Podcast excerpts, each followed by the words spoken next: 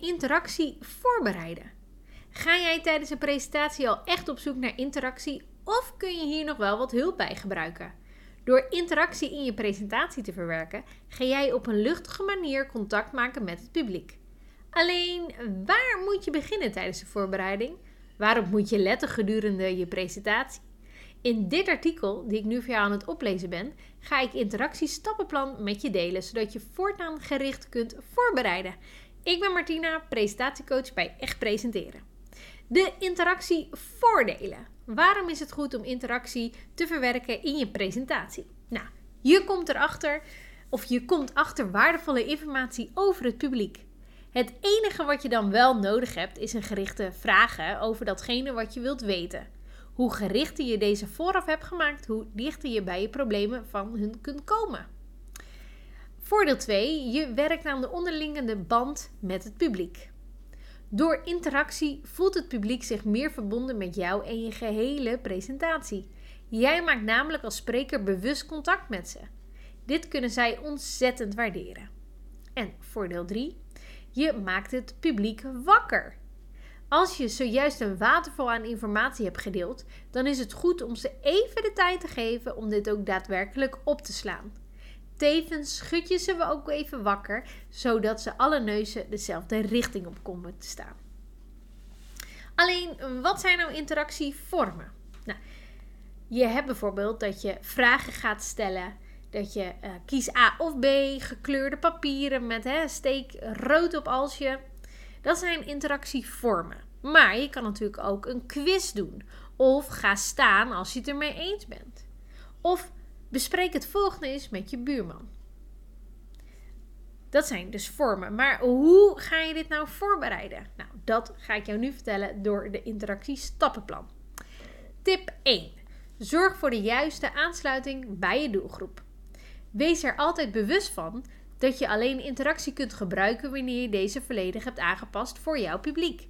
Je kunt anders namelijk de plank volledig misslaan. Dit kun je voorkomen door vooraf een publiek te analyseren, puur op de interactiemomenten.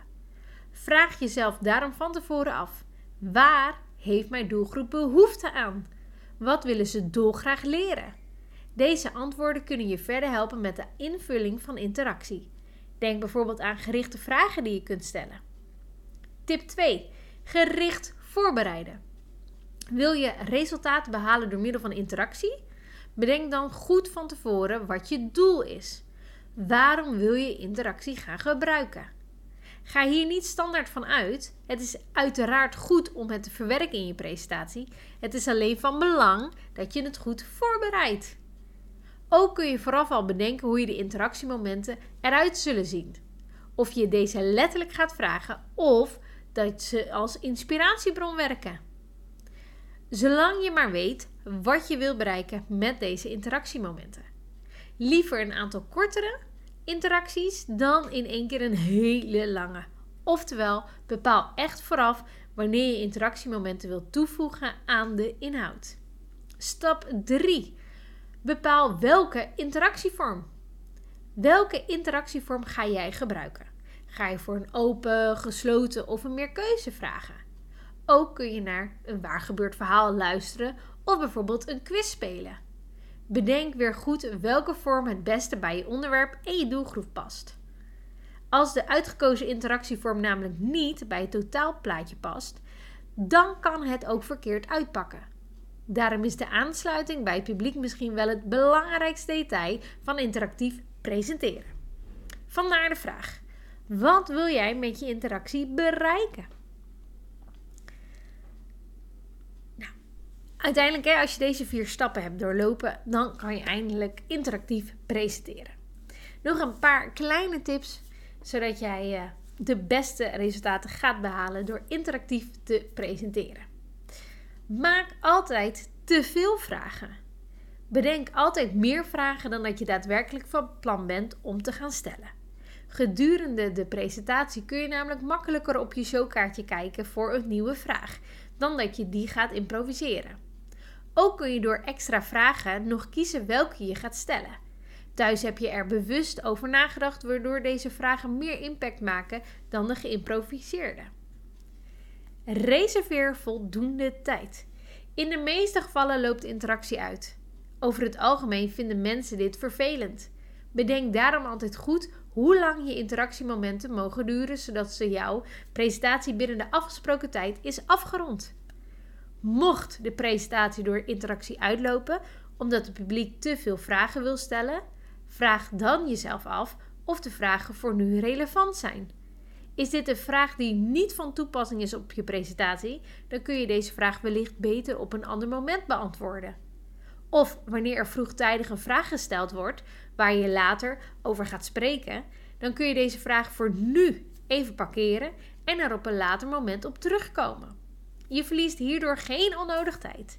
Kom wel na wat je belooft als je de vraag gaat parkeren. En als laatste tip nog: moeilijke vragen. Tijdens interactie kan iemand uit het publiek een moeilijke wedervraag stellen. Misschien heb je er niet 1, 2, 3 antwoord op. Bedenk dan altijd goed wat je gaat antwoorden op deze moeilijke vraag. Denk aan: ik ga het opzoeken en ik kom er later op terug. Beter te goed voorbereid dan te weinig. Wat je ook doet, zorg er altijd voor dat interactie te goede komt van je gehele presentatie. Bereid het goed voor, zodat je vervelende verrassingen kunt voorkomen. Ga echt dit stappenplan doorlopen, zodat je met rust en focus je presentatie kunt starten. Over welk punt heb je nog nooit eerder nagedacht? Interactief presenteren, dat kun je absoluut leren door de juiste voorbereiding en door gewoon jezelf open te stellen voor het podium. En natuurlijk kan je dat ook doen bij je video- en podcastafleveringen. Alleen weet je niet hoe en wil je dat heel graag gelijk goed leren, dan nodig ik je van harte uit om deel te nemen aan een workshop of training die ik geef. Kijk op mijn website www.echtpresenteren.nl en kijk welke workshop of training het beste bij jou past en bij datgene wat jij wil leren. En dan hoop ik jou binnenkort te verwelkomen. Tot dan!